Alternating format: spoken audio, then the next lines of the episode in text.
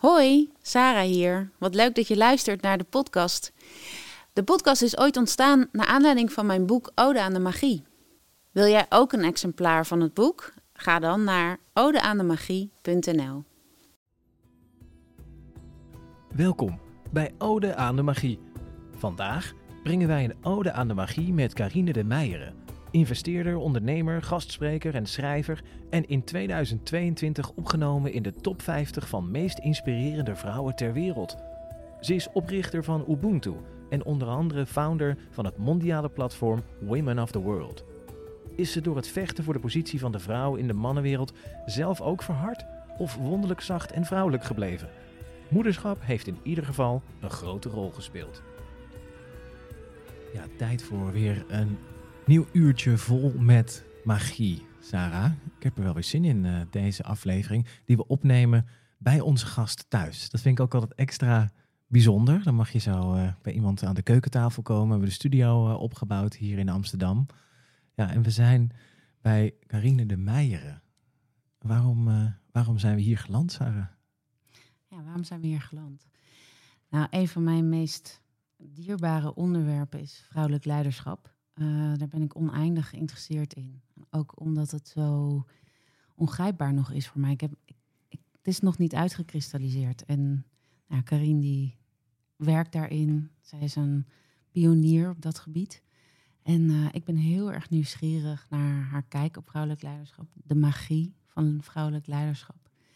En uh, ik heb haar nu een klein beetje leren kennen in de afgelopen periode. En ja, Karin, je bent gewoon een heel open en um, interessant wezen, waar ik meer van wil weten. Daarom is ze hier. Nou. Zullen we haar welkom heten? Ja. Fijn dat je er bent.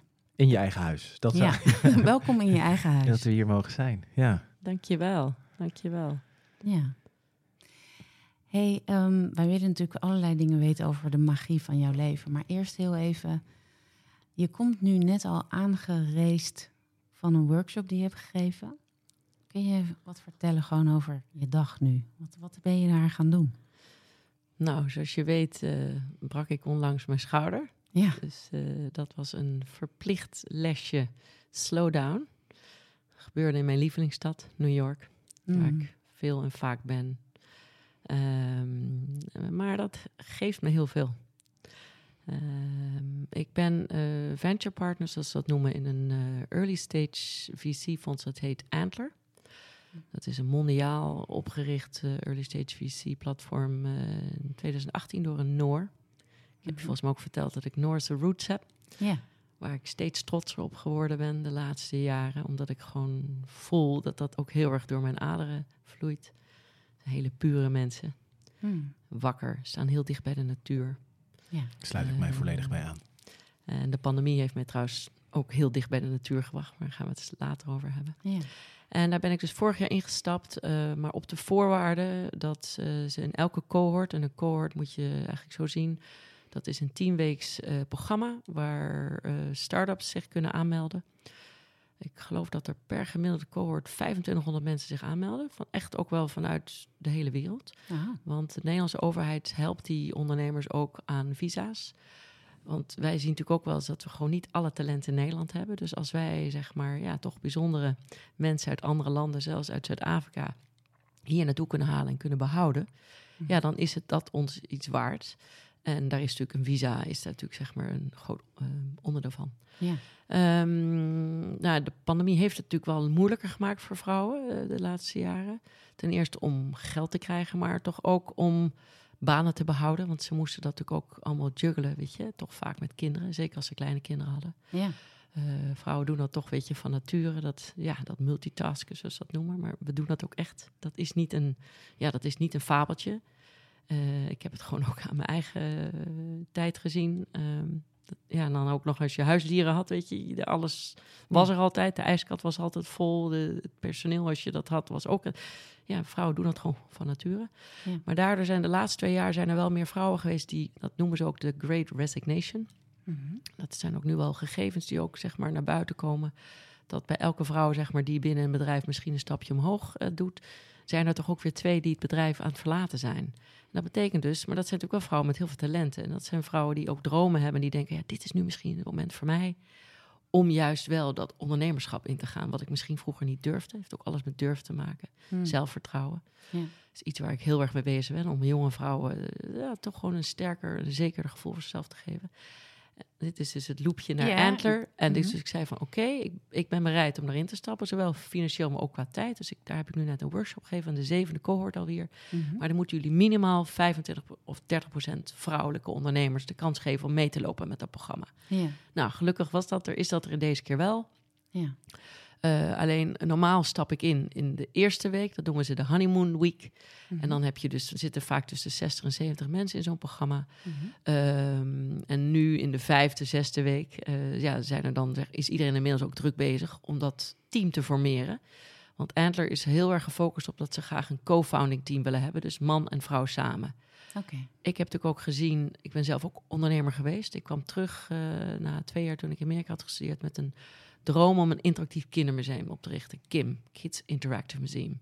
Kids in Motion was het eigenlijk mijn koosnaam, want de wereld is continu aan, aan verandering onderhevig. Mhm. Ik denk dat als je kinderen daar op een hele jonge leeftijd eigenlijk vertrouwd mee maakt, Mhm. Ehm, ja, dat ze daar zeg maar in hun leven ook gewoon profijt van hebben. En ik kwam natuurlijk terug 2006 met een jongetje van zeven. Mhm. En ik had gezien hoe al die kindermusea in Amerika heel positief die kinderen daar beïnvloeden. Dat het ook een sociale cohesieplek was. Waar dus kinderen uit East Boston, dus echt maar uit de lower income areas, waar ze vaak geen geld hadden om computers en laptops, dat die kinderen één dag per week gratis naar dat eh, kindermuseum konden. Mhm. En dat ook zelfs de Harvard School of Education, Howard Gardner is een hele bekende early stage, early education specialist en professor, dat hij heel veel van die programma's daar oefende op die kinderen. Dus dat was fantastisch. Ik dacht, nou, dat ga ik in Nederland doen. En ik eh, vond een fantastische co-founder, meer aan de pont, nog steeds ben ik daar heel dankbaar voor. En die ook die liefde had en ook die passie voor early childhood education. En wij dachten, nou, wij gaan dat gewoon in Nederland oprichten. Daar heeft helaas de crisis toen wel een enorme negatieve impact op gehad. En ik weet nog dat mijn professor op Harvard zei, weet je, eh, you need to launch it as a monument of love. Toen zei ik, nou ja, dat past wel goed in Amerika, maar in Nederland weten ze niet zo goed hoe ze daarmee om moeten gaan. En dat heeft zich ook wel bewezen, want het werd niet genoeg gedragen door de overheid. De overheid vond dat ik het geld moest ophalen bij de private sector. En de private sector vond dat het moest worden gedragen door de overheid, weet je. Dus, en ik denk, misschien was ik wel een beetje voor de public, publiek-private samenwerkingen. Mhm. Dus uiteindelijk heb ik toch in 2011 moeten over, hebben we toch moeten besluiten van, nou, we gaan het even op de plank leggen. Mhm. We hebben wel de University IP, konden we wel een aantal musea ja, overhandigen en zeggen, hey, weet je, volgens mij hebben jullie gewoon veel te weinig eh, focus op jonge kinderen. Terwijl ja, alles wat in een Rijksmuseum of een Scheepvaartmuseum of een Mauritshuis of dergelijke staat, is gewoon nationaal erfgoed. Maar daar moet je natuurlijk ook je kinderen, eh, weet je, gewoon onderdeel van laten worden. Want dat dragen zij later ook weer met hun mee. En daar komt toch ook weer een stukje nationale trots. Ja, de Duitsers hebben daar een mooi woord voor, Bildung. Mhm. We hebben dat niet, vind ik, in Nederland. En eh, uiteindelijk is dat ook wel gelukt, want het Rijksmuseum, tot 18 jaar kunnen kinderen daar gratis naartoe. Dus het is allemaal.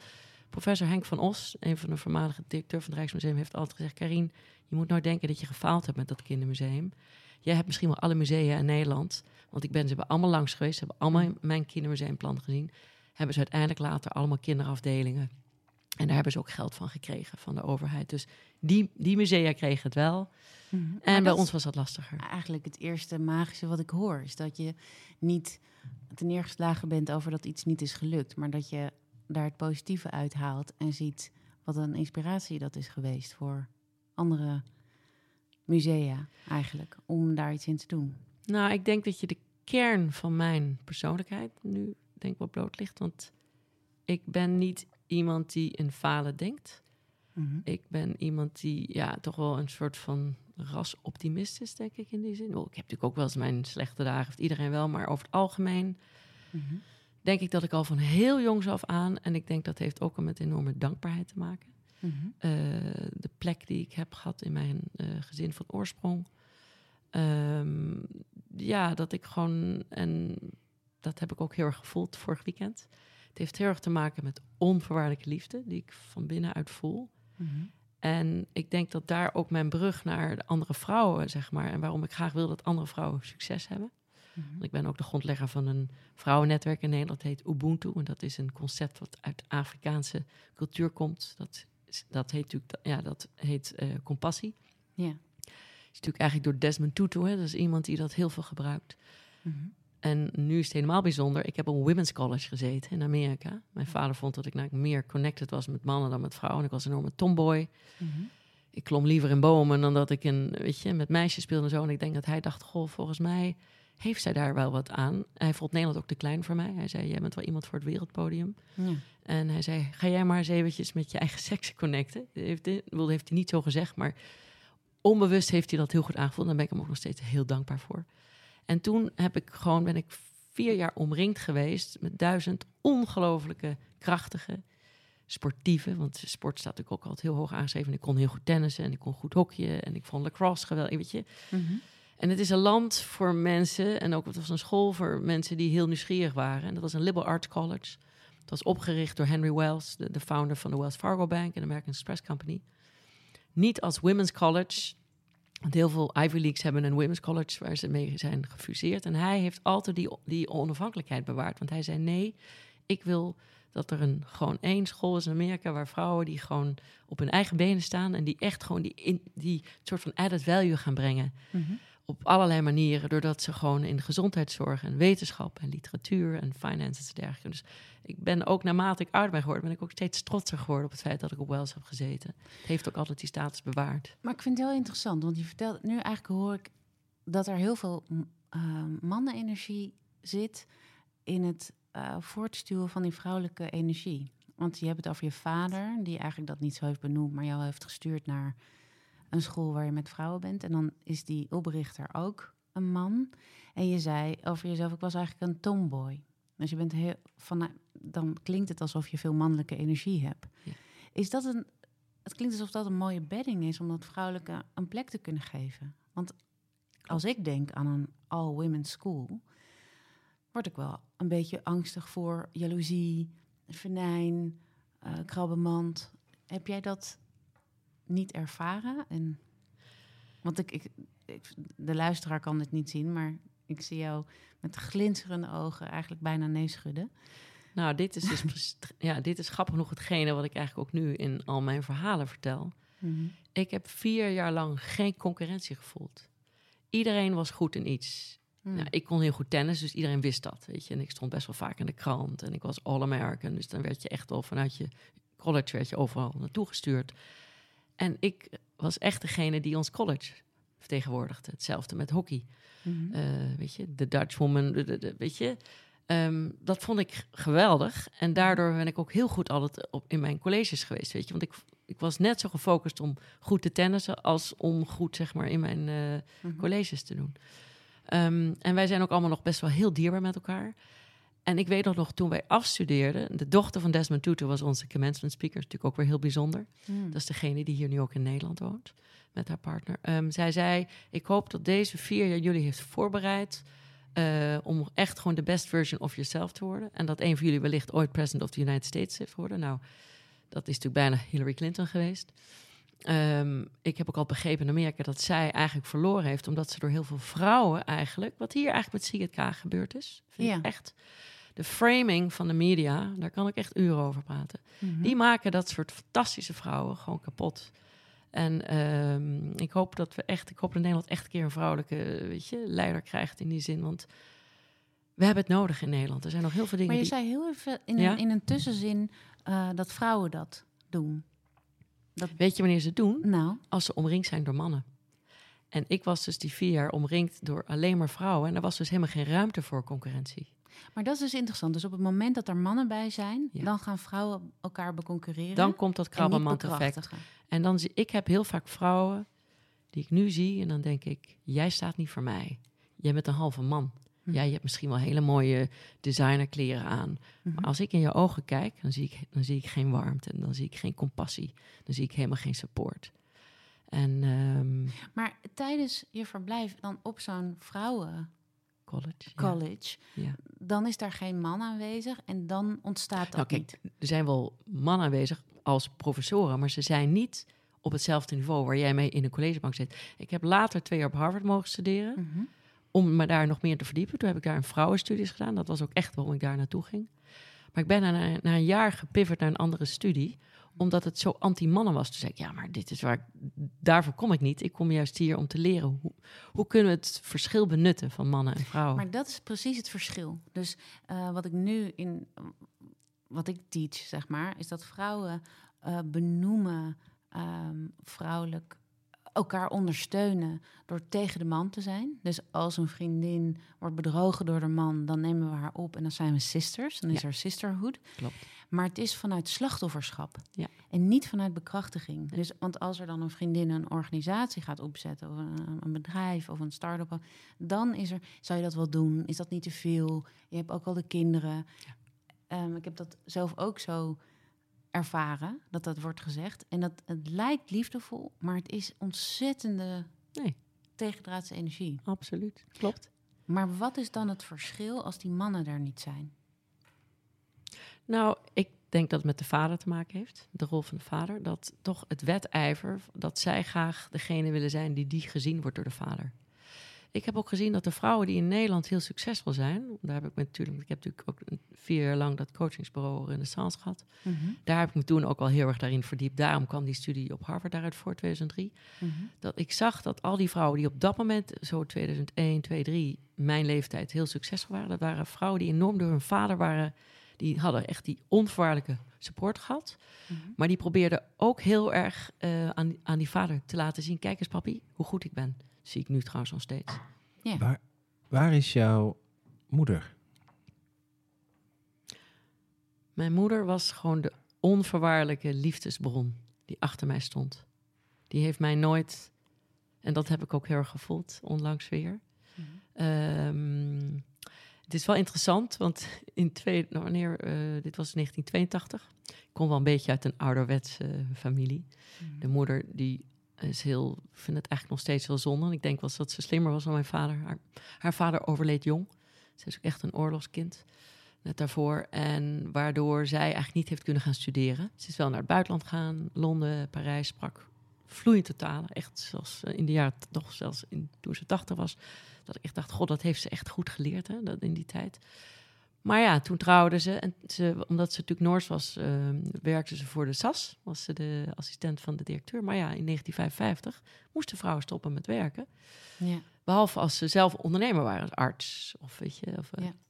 En dat heeft ze gedaan. En toen ging ze met mijn vader mee naar Den Haag. En er was even bespraak van dat ze naar het buitenland zouden gaan. Maar goed, zij heeft voor de kinderen gezorgd. Mhm. Maar heeft ons altijd wel totaal ook gesupport. Uh, ik weet wel dat er op een gegeven moment sprake van was, maar dat was echt in die tijd. En ik kom nu wel eens andere vrouwen tegen die ook moeders hadden. Die zeiden, ja, misschien moet je een jaar naar een finishing school. Weet je, dat was dan voor de upper class vrouwen in Nederland. Dat was van zo'n school van Engeland, heette Winkfield. Ik ben toevallig laatst iemand tegengekomen die het ook had. Nou ja, daar ging natuurlijk eventjes mijn zusje, gelukkig dat mijn zusje en ik samen waren. En dat wij daar natuurlijk echt met, met gestrekt benen in gezegd sorry. Nou, mijn zus naar Parijs gaan, daarna naar Leiden. En ik ging naar Amerika, omdat mijn vader zei, ja nee, sorry, maar dit zijn twee zulke slimme meiden. Die moeten gewoon even goed uh, aan de studie.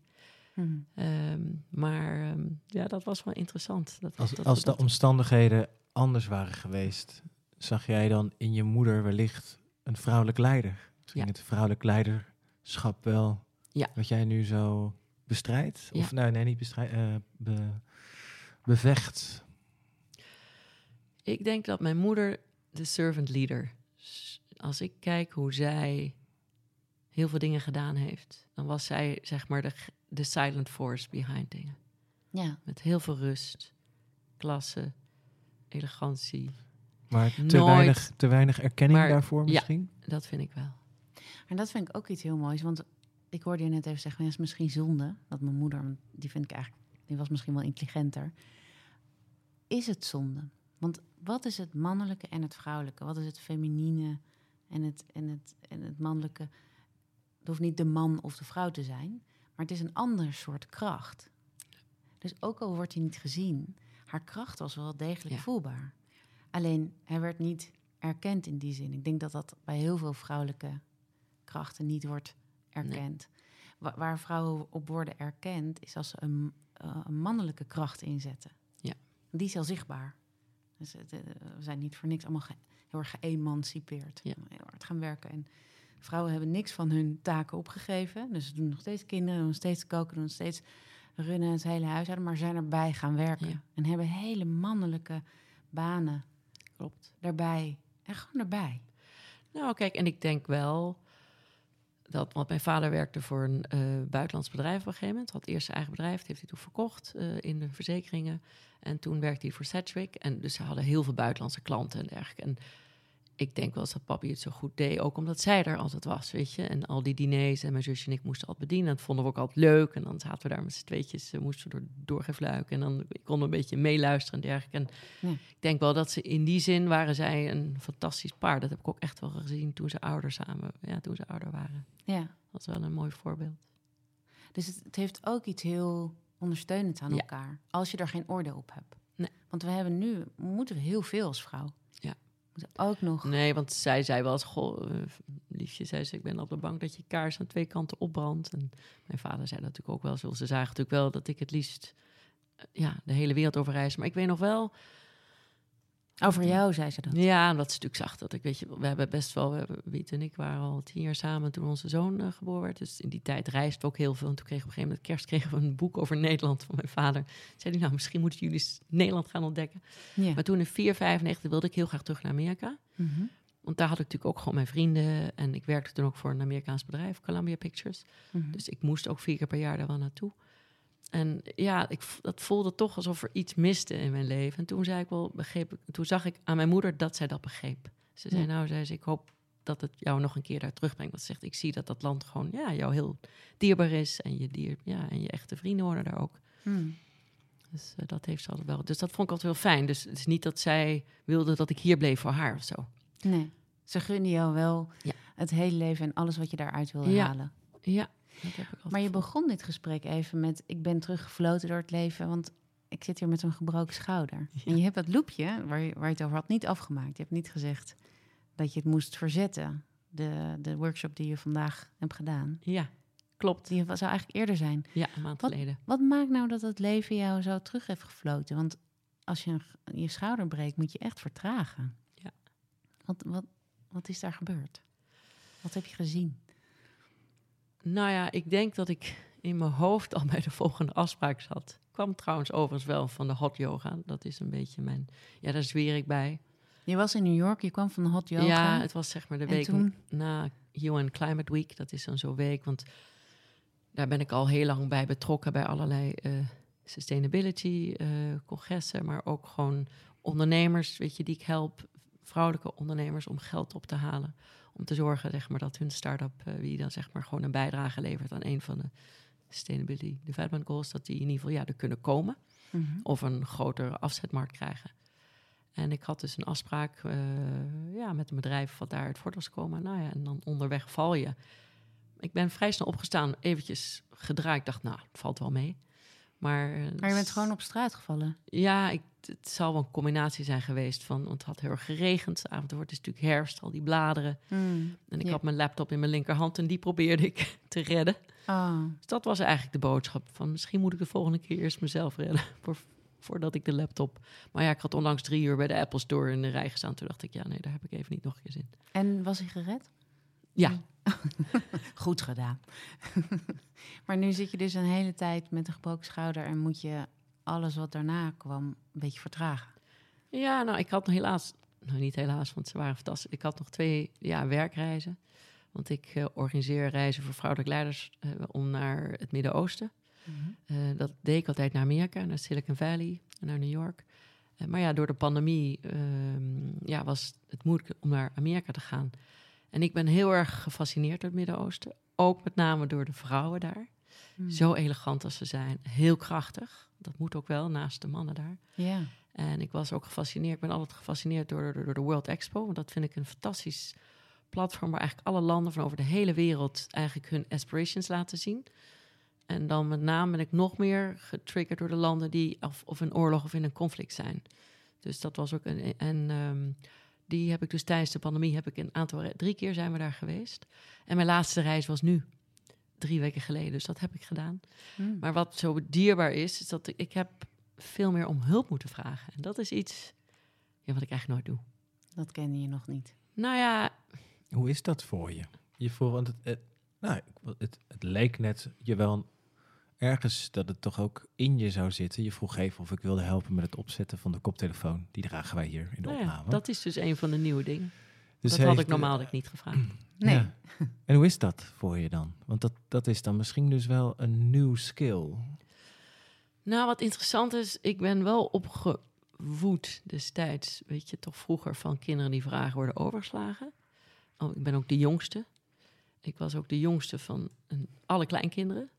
Dus ik weet wel, als we een kerstdiners hadden, dan was er één avond dat we echt met alle familie staan waren. Dan was ik gewoon de jongste. En ik, volgens mij heb ik laatst geteld van elf. Dus ik zat echt helemaal aan de linker. Terwijl beide grootmoeders hebben heel jong hun... Dus ik heb eigenlijk nooit mijn grootvaders gekend, wat ik heel jammer vind. Hmm. Ehm, dus ik, we hadden twee matriarchaten, zeg maar. En dat waren allebei... Nou, de Nederlandse was een redelijk potentaat. De Noorse was heel erg lief. Daar ben ik ook naar vernoemd. Hmm. Eh, dat was echt een grote lieve schat. En daar was ik ook heel graag in mijn jeugd. Dus die heeft mij wel veel van die zachtheid meegegeven. Ehm, maar ik heb dus de laatste maand... Ja, en weet je wat mij opvalt? Dat iedereen zegt, oh wat fijn, ik help je graag even. Dus ik denk dat ik bang was om soms nee te horen of zo. Ja, was je daar bang voor? Ik denk het. Dat als je vraagt dat je dan niet mag, of dat er niet mag zijn of niet. Nou ja, weet je, het is hetzelfde met...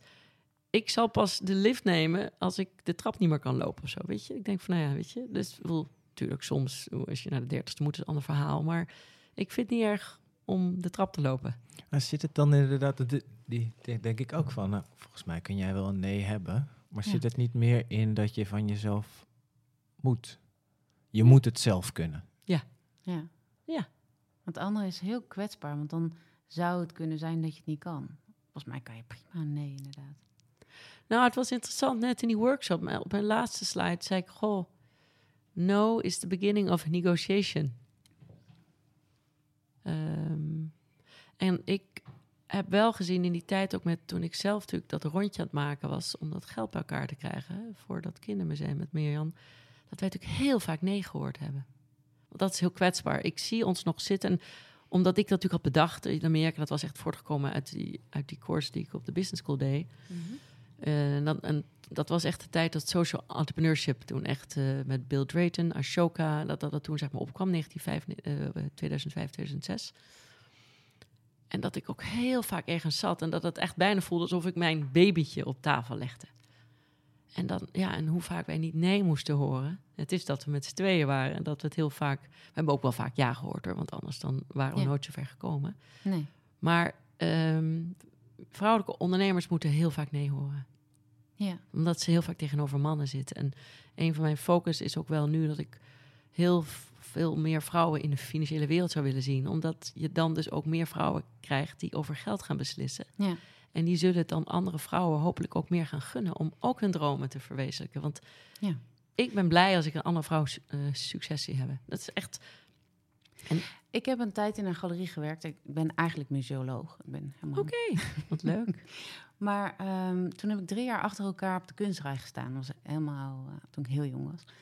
En toen kwam er steeds een groot kunstverzamelaar, ik zal zijn naam niet noemen.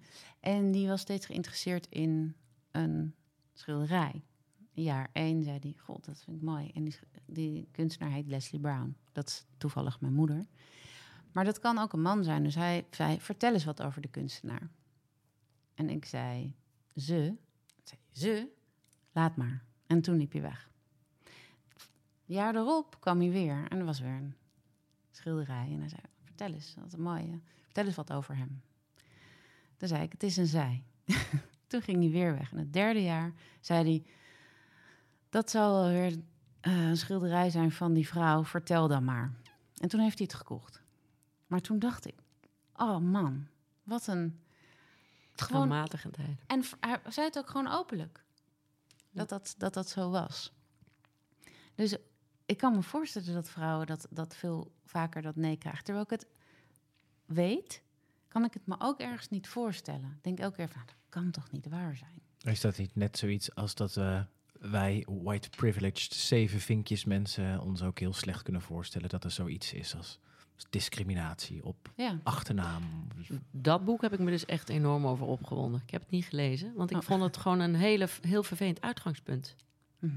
Oh, maar, wa- Want nee, maar heel dat- eerlijk gezegd... dan kun je er ook niks over zeggen als je het niet gelezen hebt. Nee, nou, ik heb genoeg erover gelezen. Maar ik, heb het, ik dacht op een gegeven moment... En ik vond het dus heel interessant. ehm, ik heb natuurlijk net die oerceremonie gedaan. En dat daar een man heel duidelijk heeft gevoeld... wat vrouwelijk leiderschap eigenlijk is. Ja. En ik heb later ook nog met die, met die man daarover gehad. En die zei: Ja, maar jullie zijn de zeven vinkjes. En dat vond ik dus heel interessant. Want, want wat is- bedoelde hij nou- daarmee? Wat, wat heeft hij nou, gezegd? Hij zei: Jullie creëren het. Jullie creëren de bedding. Jullie creëren de energie binnen een bedrijf. Ik denk dat heel veel mannen vaak niet eens doorhebben. De meerwaarde van vrouwen, de, de energie die, die zij, de liefde die ze inbrengen, de, de onvoorwaardelijkheid, de ruimte. Maar dat is precies waar ik het net over had. Dat als een, een vrouw, eh, een vrouw des huizes, eh, die gewoon niet officieel werk heeft, maar dat dat niet zichtbaar is. Ja. Dus de kracht van het vrouwelijke, is dat dan niet zichtbaar? Ja, dat is dus onzichtbaar. Maar ik ga je wel even... Want Dat is dus het magische. ja. Want we komen uiteindelijk wel bij dat magische. Ja, ik je wel, ik, ik, ra, ik raad je toch aan. Want, Ja. eh, volgens mij verslind je een boek in, eh, verslind je dat boek in een dag. Maar raad je toch aan om het te lezen. Ik denk dat je juist dan aangaat. Want als ik, ik heb laatst Joris Luijendijk. met Joris Luijendijk toevallig in evenementen gewerkt. Dus dan verdiep ik daar maar helemaal in. Wat, wat ik mooi vind, wat hij aansnijdt. En natuurlijk ging dat over, over groepen die achtergesteld worden. En daar is eigenlijk de brug al naar volgens mij het thema hier. Het gaat erover dat we in kaart brengen van waar die zelfs gekke ongelijkheid zit.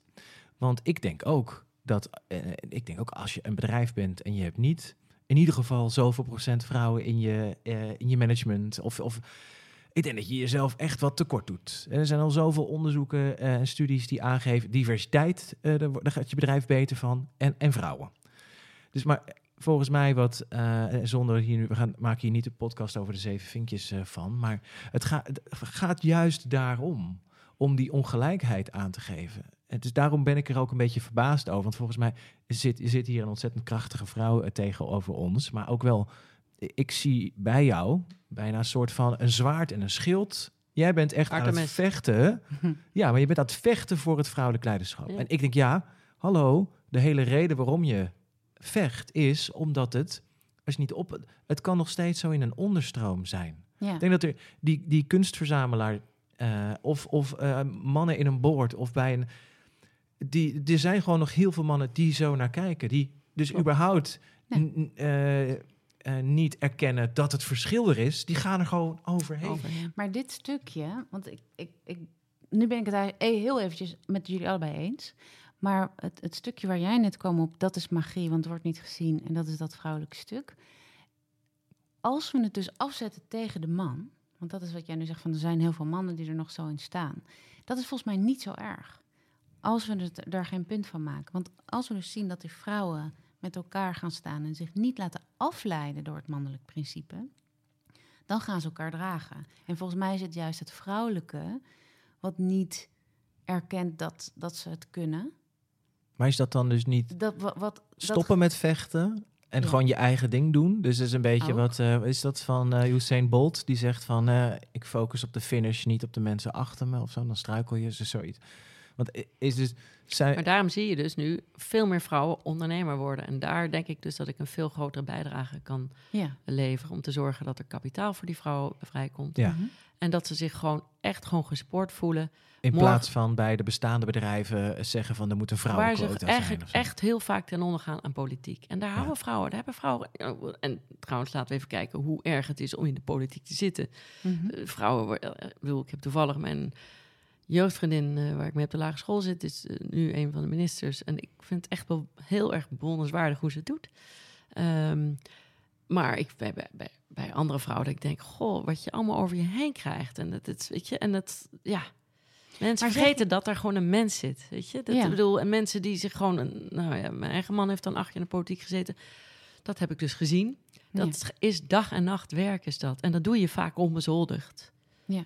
Eh, en als ik toch vaak zie, mensen hebben altijd kritiek. En denk ik, ja, doe het dus zelf eens een keer, weet je. Ga zelf. Ja. Ik begrijp wel goed als, dat, als mensen zeggen van ja, politiek, daar heb ik echt geen zin in.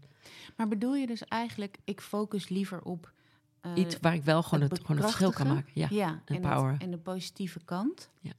Dat stukje, dus dat, dat is ook dat stukje magie wat ik net bij je aanraakte, is dat jij er dan wat van maakt. Als er iets Ja. niet helemaal goed gaat, dan, dan, dan maak je er iets moois van. Dus Ja. die positieve energie, die hoort ook bij de magie creëren en de possibilities. Klopt. En, en, en de zeven vinkjes, als ik je dan even mag interpreteren, gaat over...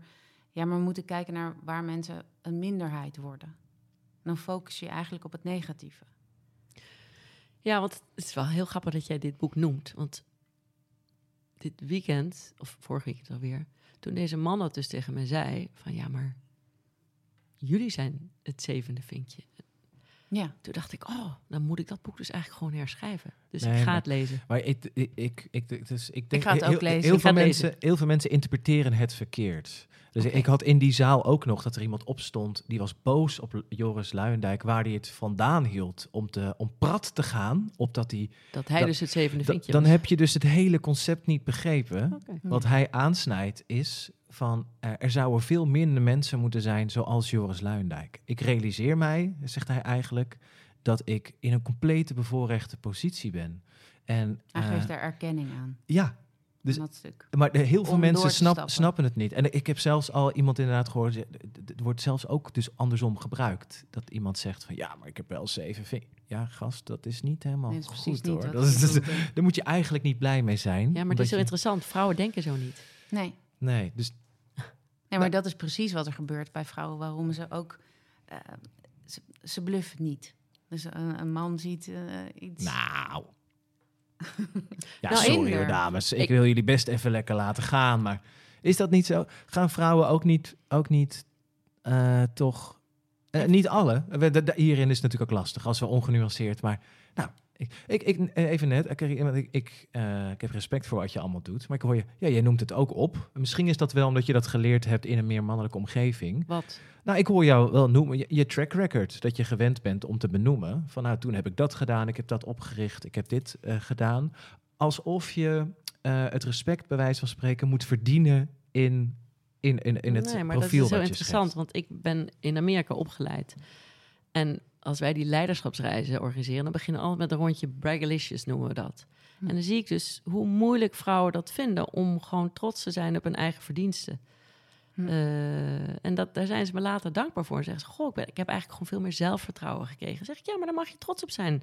Ja. En dat hoeft echt niet altijd betaald werk te zijn trouwens. Want ik heb heel veel onbezoldigd werk gedaan. Ja. Jarenlang voor Dead Women gewerkt waar ik vrouwen op het podium weet je, hun verhaal op kunnen laten vertellen. Ik heb meegeholpen om een Women in Technology Movement weet je, zichtbaarder te maken.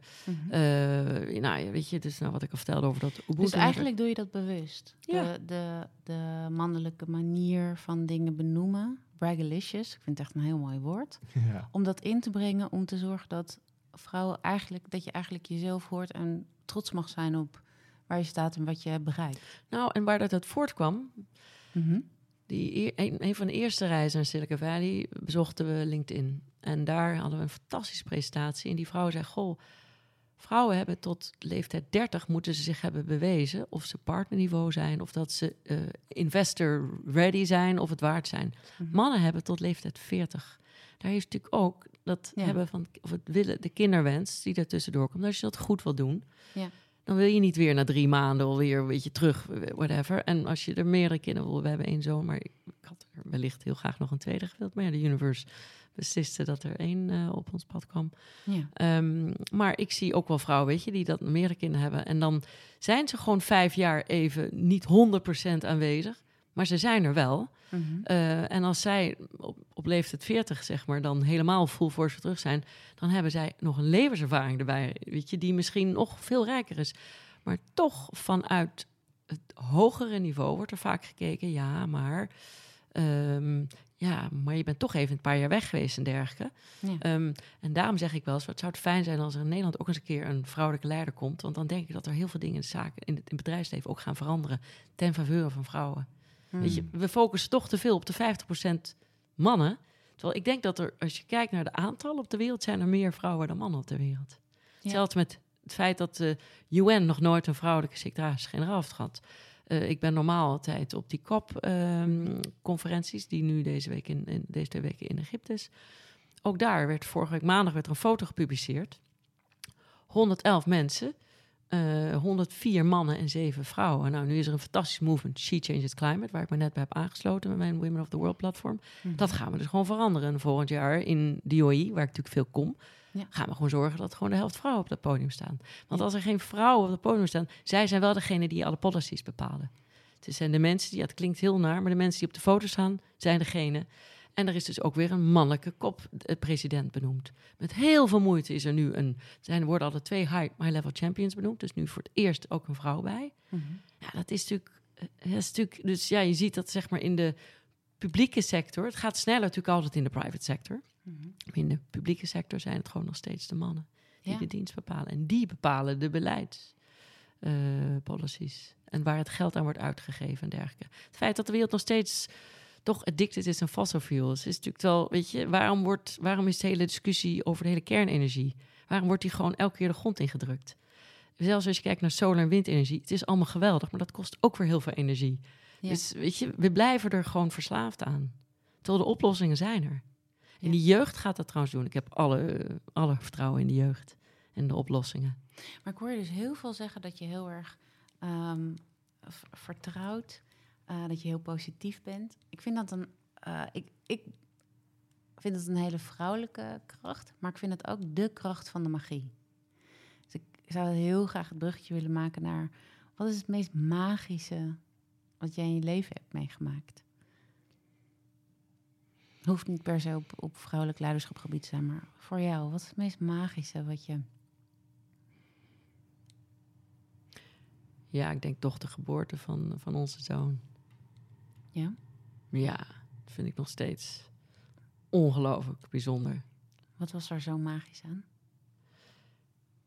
Nou, het was best een pittige bevalling, want ik wilde heel graag een waterbevalling. Ik ben een ontzettende waterrat. En ik, dus het element water is iets. eh, ons huisje in Costa Rica, maar ook in Noordwijk. En Mhm. Ik ben op de Prinsgracht geboren aan het water. Dus water is mij, en ook met mijn Noorse zomers, jeugd, dus water is heel belangrijk voor mij.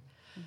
Maar ja, dat ging aan het einde niet helemaal gepland, want we hadden een voetvrouw die eh, dat nog nooit eerder gedaan had en die raakte in paniek. Dus. Maar wat denk ik heel magisch was, is dat na vijf maanden, ehm, onze zoon had toen net zijn eh, vaccinaties gehad en toen ben ik toch in aanraking gekomen met iemand die waterpokken had, of een dochter. En hij was dus echt doodziek. Mhm. Eh, echt 40 graden koorts. En als je die foto's ziet, dan denk je, mijn god, als je hem nu zo ziet, dat je denkt, nou, dat dat kind er nog zo is uitgekomen. En toen heb ik hem gewoon die drie dagen, we hebben de doop die toen was gepland, hebben we moeten cancelen, want ja, dat, dat kon allemaal niet. Ik heb hem gewoon die drie dagen zelf kunnen voeden. En dat was de enige manier. Dat zei de ar- huisarts ook van, ja, hij heeft zulke hoge koorts, ik kan hem echt niet meer paracetamol geven. Het enige wat je kan doen is gewoon je eigen antibodies. Ik heb hem drie dagen op mijn lichaam gehouden. Mhm. En na drie dagen is die koorts gezakt. En dat was, waren echt wel drie hele spannende dagen. Wauw, dus eigenlijk zeg je, want koppelde magie net al even aan het vrouwelijke, maar jij zegt nu magie in mijn leven is moederschap. Ja. Dat is niet iets waar je voor kan studeren of wat je in de wereld zet. Of wat, en dat is ook iets wat een man niet kan. Dus de meest pure vorm van magie is dat je kan vertrouwen op je moederschap en je lijf. En, en wauw. Het ontroert je ook. Wat ontroert je zo? Nou, dat ik soms wel niet nu, want ik heb nu niet zo heel veel vrienden meer die nog kinderen krijgen. Maar in die tijd dat ik, ja, we wel in die leeftijd zaten, dat ik dan heel vaak wel vrouwen tegenkwam van, oh nee, dat voeden heb ik geen zin in. En, eh, Hm. en dan, ik had natuurlijk die ervaring met onze zoon meegemaakt. Toen dacht ik, je hebt geen idee. Het is het mooiste. Ik vond dat dus magisch. ik weet nog dat, dat ik, volgens mij heb ik de oude wieg van mijn moeder gekregen. En ik geloof dat onze zoon nooit in zijn kamertje heeft geslapen. Want hij heeft gewoon altijd tussen ons ingeslapen. En dat was gewoon, ik kon gewoon uren naar dat jongetje kijken. Ik vond dat gewoon fantastisch. Ja. Misschien wel erin geresulteerd dat hij op zijn 16 het nest uitvloog en naar Engeland wilde en toen naar Amerika en dergelijke. Eh, Maar de pandemie heeft ons de kans gegeven om ja, als gezin weer zeven maanden samen in één huis te zitten, wat echt een cadeau was. Ja. Waardoor ik echt eh, ja, me eigenlijk weer opnieuw heb leren kennen. Nu als volwassen jongeman. ja, maar moederschap is ook loslaten. Ja, en ik denk dus, en mannen realiseren zich dat niet. Ik denk dat als een vrouw in een bedrijf zit, dat ze er werk ook zo benadert. Dus uh, die presentatie die ik net ook hield, ik zei: Goh, kijk eens naar het lijstje van bedrijven waar vrouwen vaak in werkzaam willen zijn.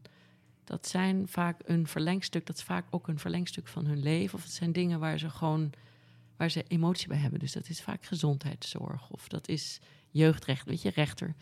Of education, of nou ja, fashion, om dan misschien sustainability, weet je, allemaal van dat soort dingen. Dus er zit meer gevoel en passie in. Ja. Want als je naar het bedrijfsleven kijkt, als we de elementen erbij pakken, dat doe ik even omdat je net zei, ik ben echt een watermens. Ja. Maar in bedrijven zie je heel veel lucht, dus het denken en aarde.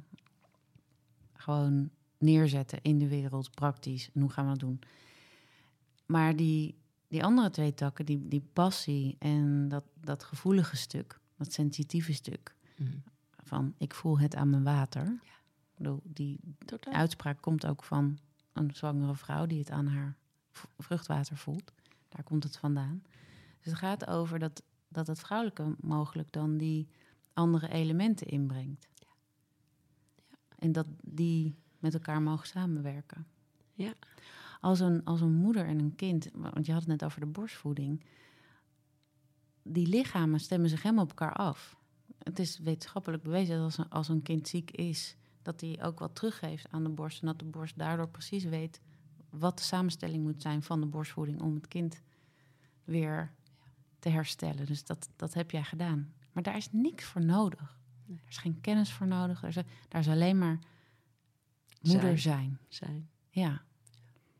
Dat is wel magie. Ik weet nog heel erg uh, in het begin ook. Ik wilde ook helemaal geen buitenwereld. Ik weet wel dat ik vriendin ook had die mij heet probeerde te bereiken. Die telefoon, die, ja, die, die wilde ik gewoon niet opnemen. Ik vond het zo magisch. Ik heb echt getracht zo lang mogelijk. De eerste maand, uh, ik weet nog dat we toen ook naar Zwitserland gingen. Daar heb ik echt een beetje bijgekomen.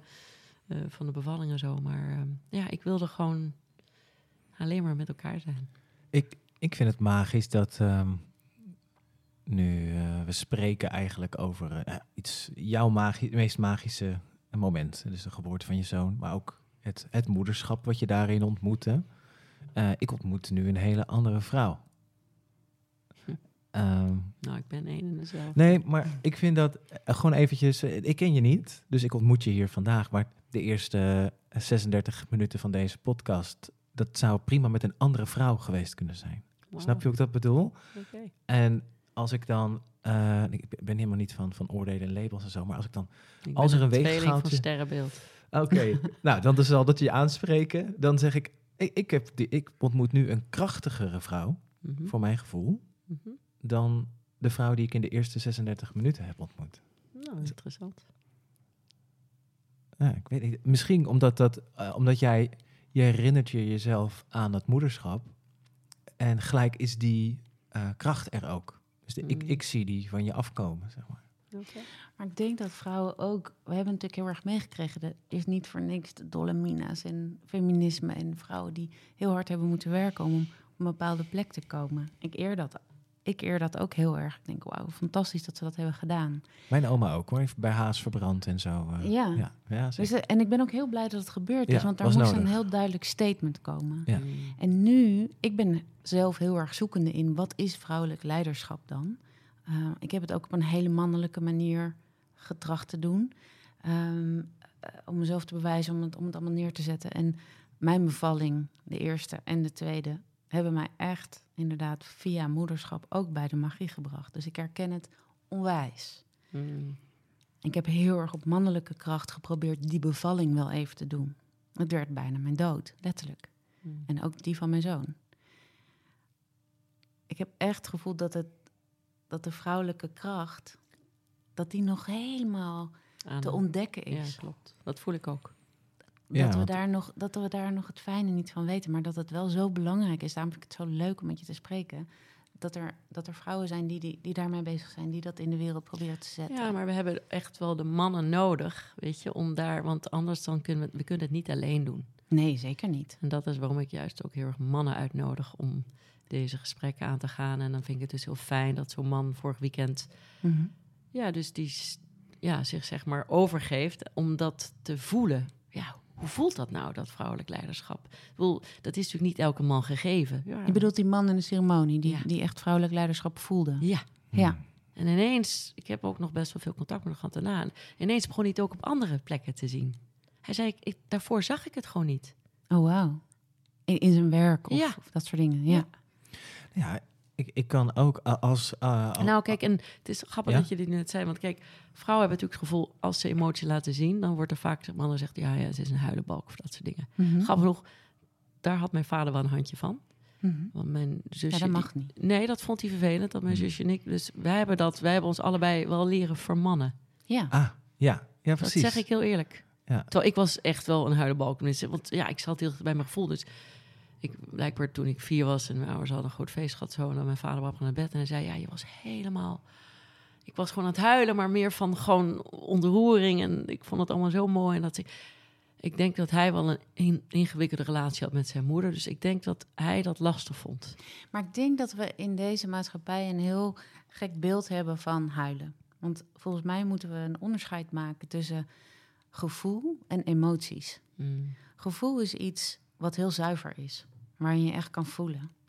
Als je daar aan voorbij gaat, wat heel veel vrouwen ook in het bedrijfsleven doen, en dat wegstoppen en dat er niet mag zijn, Dan breek je je schouder. dan breek je je Nou, schouder. nou maar, nee. dan, maar dan word Ja, je maar, dan, maar overspoeld. dan worden ze ziek. Dan worden ze ziek. Ja, maar of overspoeld door emotie. En dan Ja. komt het eruit als een soort brei. Ja. En dat voelt dan voor het mannelijke vaak, want nu noemde je ook je vader in contact met zijn moeder, voelt dat als emotionele chantage. Ja. Nou, dan ga ik nu huilen. Maar Slachtoffergedrag. het- ja, janken en huilen is een heel groot verschil. Want jij noemt nu net, ik huilde want ik was euforisch en ik, ik voelde van alles en het was heel Ja. bijzonder. Maar dat onderscheid tussen gevoel en emotie, en dat kunnen, dat, het ene is drama en het andere is gewoon heel krachtig. Maar we hebben het afgeleerd. Want Ik het is allemaal een- op één hoop gegooid. Maar de mannen ook. Ja, ik denk dat dat zeker ook. waarom het eh, nu voor, eh, ik zeg even, het vrouwelijk leiderschap, alsof het een persoon is of zo, maar waarom het toch ook vechten is aan de ene kant misschien. Mhm. Of eh, zoals we van jou leren, minder vechten, maar gewoon je eigen pad hier creëren. Is ook nodig. Die, die mannen die weten het ook helemaal niet meer. Die zijn ook, die zijn ook doorvermand. Eigenlijk de verkeerde kant op vermand, denk ik. De- ik denk dat ik ook eh, heel erg daar heb gezeten. En ik, ik heb ook een, een oerceremonie gedaan. Daarin ook juist heel erg ervaren. van, Oh, wacht. Als ik die, zeg even, die andere kant van mezelf toelaat. Die mix van die twee. Dus mijn vrouwelijke energie en mijn mannelijke energie. Zo, man. Maar dan is er nog meer kracht. Of ik het dan manifesteer op een mannelijke manier of een vrouwelijke. Dat zal de situatie eh, Ja, laten zien. maar, dat is die echt verbinding is, ja, maar die voelt gewoon. hey, ja. Dat is kernenergie. ja, ja, dat is echt kernenergie. Ja. En je hele kern dan dus meenemen. Ja. Niet een gespleten atoom. Ja. ja. ja. Hmm. En wat is het meest magische wat je in je werk hebt meegemaakt? Mm. Tjie, ik zie heel veel dingen voorbij komen. Wat grappig nog, er zijn voor mij eigenlijk... Ik heb natuurlijk een eerste deel van mijn werk was natuurlijk zeg maar employment, dus weet je, dus dat je voor een baas werkt. En toen in 98, toen dacht ik, ja, maar dit kan ik gewoon zelf sneller. En dan hou ik meer tijd over voor mezelf. Ehm, dus dat was tot 1998. Dus ik werk eigenlijk al sinds 98 eh, voor mezelf. Ja, dat geeft toch een bepaalde vrijheid. Mhm. Ehm God, dan moet ik echt even goed nadenken. Er zijn zoveel dingen die voorbij komen. Nou, ik denk toch wel dat het gewoon in die tijd is geweest met dat kindermuseum, toch? Omdat ik toen ook heb ervaren hoe het is om leiding te geven aan een team. Eh, we hadden op een gegeven moment een setback ehm, met iets. En toen, en dat ik toch zeg maar hetgene wat ik geleerd had in Amerika, weet je, ik had daar een soort van mentor die het Boston Science Museum had eh, opgericht, in ieder geval daar, daar de directeur van is geweest. Die, weet je, die, die was mij gewoon over afstand, was hij mij aan het adviseren. En dat heeft toen echt wel enorm geholpen, waardoor ik uiteindelijk ineens een andere kant op ging. En, en ik heb ook wel gezien, het is allemaal mensenwerk. En, eh, en je moet dus ook in je werk die dankbaarheid naar mensen tonen. Want zij kunnen ook hun tijd in andere dingen stoppen. Eh, en ik denk dat het, dat is ook een beetje de boodschap die ik graag aan mensen wil meegeven. God, weet je, eh, behandel je werknemers net zoals dat je je vrienden behandelt, weet je. Want ik vind het grappig dat jij dat net zei over, God, ik zit een andere vrouw hier. Ik had juist als therapeut altijd, weet je, dan zeiden mensen, ja, ik, ik, ben, ik ben privé heel anders. Zei ik van, nou, het lijkt misschien wel fijn als je zakelijk dezelfde energie neerzet. Want Mhm. ja, dat creëert gewoon vertrouwen. Ja. Dus ik denk dat het een aaneenschakeling is geweest van... eh, ik heb wel in die tijd van, van mijn werk heb ik wel ontdekt hoe belangrijk yoga was voor mij. Want dat was echt wel een... Daar ben ik toen eh, zeg maar eh, nou, 30 jaar geleden mee begonnen. Mhm. En dat heeft mij... Dat is ook echt watgene wat mij altijd weer terugbrengt. En daardoor heeft het me ook altijd weer inzichten gegeven over... oh ja, nee, nu moet ik even die kant op. Nee, nu moet ik dat doen. Het is toch eventjes even een uur of... Ja, gewoon even... Want wat doet yoga dan voor jou? Ja, die stilte. Stilte. Ja. Het is ook beweging van het lijf. Ja, maar dat is eigenlijk in synchronicity.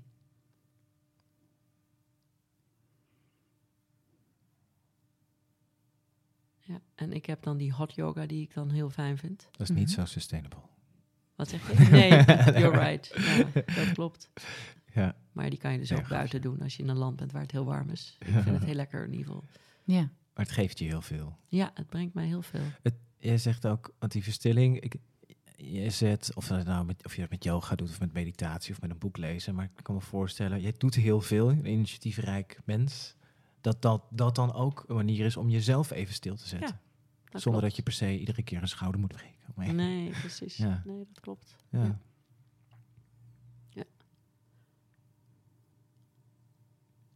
Nou, het is interessant, want wij hadden altijd honden hier in huis. Maar omdat we het laatste jaar vrij veel in het buitenland zijn geweest, eh, nou, hebben we die nu niet meer. En dat mis ik wel, want dat was voor mij altijd zo'n dagelijks momentje. Even samen het park in. Mhm. Ik ben, in, ik ben gek van dieren. Dat is, ja, ik ben ook opgegroeid met honden thuis. En ja, dat is... Ik had het laatst, de dag na de ceremonie, liep ik over straat en lag een echt fantastische Bernazenne hier. En die zat mij echt zo heel indringend aan te kijken. Toen dacht ik, wauw. Ik had, Mhm. ik had het gevoel dat ik gewoon met hem kon praten. Het was echt fantastisch. Ja. Die vrouw moest hem echt vasthouden, want hij wilde gewoon mee. ja. Dat Dus heb je ook met paarden. Dus prachtig. dus de magie in jou is de stilte, de beweging, moederschap, het vrouwelijke, het onzichtbare. Maar ook dus connectie met ja, het animalistische stuk in jezelf. En dat gaat over intuïties. Allem, allemaal het onzichtbare. Nou, ik vind het altijd wel leuk dat mensen die mij echt al wat langer kennen. Ik zag het bijvoorbeeld laatst met een groep. En daar was ik eigenlijk altijd een beetje op de achtergrond. En daar waren heel veel vrouwen die waren dat altijd heel erg bezig om, hun, om te wedijveren. Ehm, maar altijd en hun posities ten opzichte van mannen. Van ja, maar ik heb het gered. Ik zit in die boord. Ik ben dit en dat. En maar dan hoorde ik via andere gangen terug dat ik dacht van ja, maar daar heeft ze niet echt heel veel gepresteerd. En daar hebben we iemand anders in moeten brengen om haar probleem op te lossen. Weet je. En na een hele lange tijd dat mensen zeiden van ja, jij bent eigenlijk altijd best wel heel stil en op de achtergrond. Maar eigenlijk ben je een soort van silent force. Dacht ik ja, en dat heb ik dus dan toch wel van mijn moeder meegekregen. En ik ben wel, ik ben heel trouw. Ik ben echt nog echt dik bevriend met mijn oudste jeugdvriendin, die ik al vanaf mijn zevende ken. Hm. En eh, ik denk dat ik vind mensen niet altijd even trouw. Ik vind mensen heel opportunistisch wel. Hm. Ik ben niet zo van God, ja, wat heb ik aan jou en kan ik aan jou ver? Ik kijk veel meer God, wie ben jij van binnen? Hm. Mensen vinden het ook wel eens lastig dat ik ze altijd heel diep in de ogen kijk. Ja, maar als jij jouw intuïtie moet laten werken, dan. Ja. Maar daar heb je denk ik wel die verstilling voor nodig. Want als ik dan, ik, hoop dat je dat ook even dat ik dat aanhaal, zo van hoe wij met elkaar begonnen vandaag. Alleen al de, de ontmoeting. Ik weet niet of je, jij kwam aanlopen en je had ook een half uur gewandeld natuurlijk en druk, maar eh, En last van mijn schouder. en last Ja. van je Want dat schouder. snel wandelen is niet zo goed. Maar, Nee. eh, maar je, liep, je liep mij zo voorbij. Ja, dat weet ik. Ik, ik stond klaar om je, om je te ontmoeten, want we, kennen elkaar, we kenden elkaar niet. En ehm, ik denk van, oh ja, volgens mij, als, jij, als je dat nu ook je je realiseert van, oh ja, want als jij dus die verstilling hebt, dan, dan is er nog meer eh, nuclear power in. eh, ik zet mijn eigen microfoon uit. Ehm, misschien was de zin al klaar. Je ja, moest verstillen, ja, Lars. verstillen. De zin was al af. Volgens mij snap Ja. je al wat ik. eh, Ja. Ja. Dit was het magische moment. Ja. Ja, maar mooi. Dankjewel. The Wounded Healer. Wat? The Wounded Healer. Als je zelf iets brengt in de wereld, dan heb je dat. You can only practice what you need to learn most. Dus het is ook heel mooi dat, het, Ja. dat je dat zelf ook bent. Dus dat je de haast hebt en dat je, en dat, je dat helemaal kan zien. Nou, ik denk dat ik er echt van uit was gaan trouwens dat, eh, dat mijn man thuis was. Eh, en ik moest de wc. Ja. spijt me. Dat, dat was, want ik had je zeker, want ik zag je, dacht ik, oh wat naar, ze staan buitentje. En dan, dan voel ik me schuldig, want heb ik je, want ik zag pas, het, het was volgens mij half één dat je mij gehept hebt. Toen liep ik daar weg. Toen dacht ik, oh, dan hoop ik echt dat wie thuis is, want ik vind het vervelend. Maar er was want- helemaal, het was helemaal oké. Nee, het was Wij helemaal oké. buiten Maar en we waren Het is dan gewoon zo'n beeld wat ik heb. Begrijp ik. Van, Ja. Maar normaal, normaal is dat echt niet zo. Want dan had ik je alle. Maar ik ben nu heel bang geworden dat mensen mij huggen. Want ik heb al twee keer gehad dat mensen mij Oh, echt heel aardig. Ja, Ja. en Ik heb dat totaal liefde. Ja, nee, maar één iemand heeft het echt net gedaan toen het net gebeurd was. En Ja. nou ja, toen dacht ik echt dat, ik- dat ik gewoon. Dus ik ben nu wat meer afstandelijk dan ik ik ben normaal een enorme hugger. En eh, Ja. ik heb ook een lekkere hugjas aan, waardoor mensen altijd zich vinden Ja. ze lekker om even door mij geknuffeld te worden. Maar nu heb ik helaas moet ik wat meer afstand bewaren, gewoon om mezelf te beschermen. Maar we hebben die afstand in dit gesprek helemaal niet gevoeld. Oh, fijn. Dus het is heel erg fijn en inspirerend om met je te hebben gesproken. En Leuk. heel erg bedankt voor je openheid Oh, dankjewel. en je magie. Dankjewel. Ja, en jij bedankt voor het eh, luisteren naar deze afleveringen. Heeft die jou eh, geraakt? Voel je de magie ook stromen? Ja, deel hem dan met iemand. Misschien wel met iemand waar jij vrouwelijk leiderschap in herkent. Hou dit niet voor jezelf, laten we het eh, verspreiden. Bedankt voor het luisteren en heel graag tot de volgende.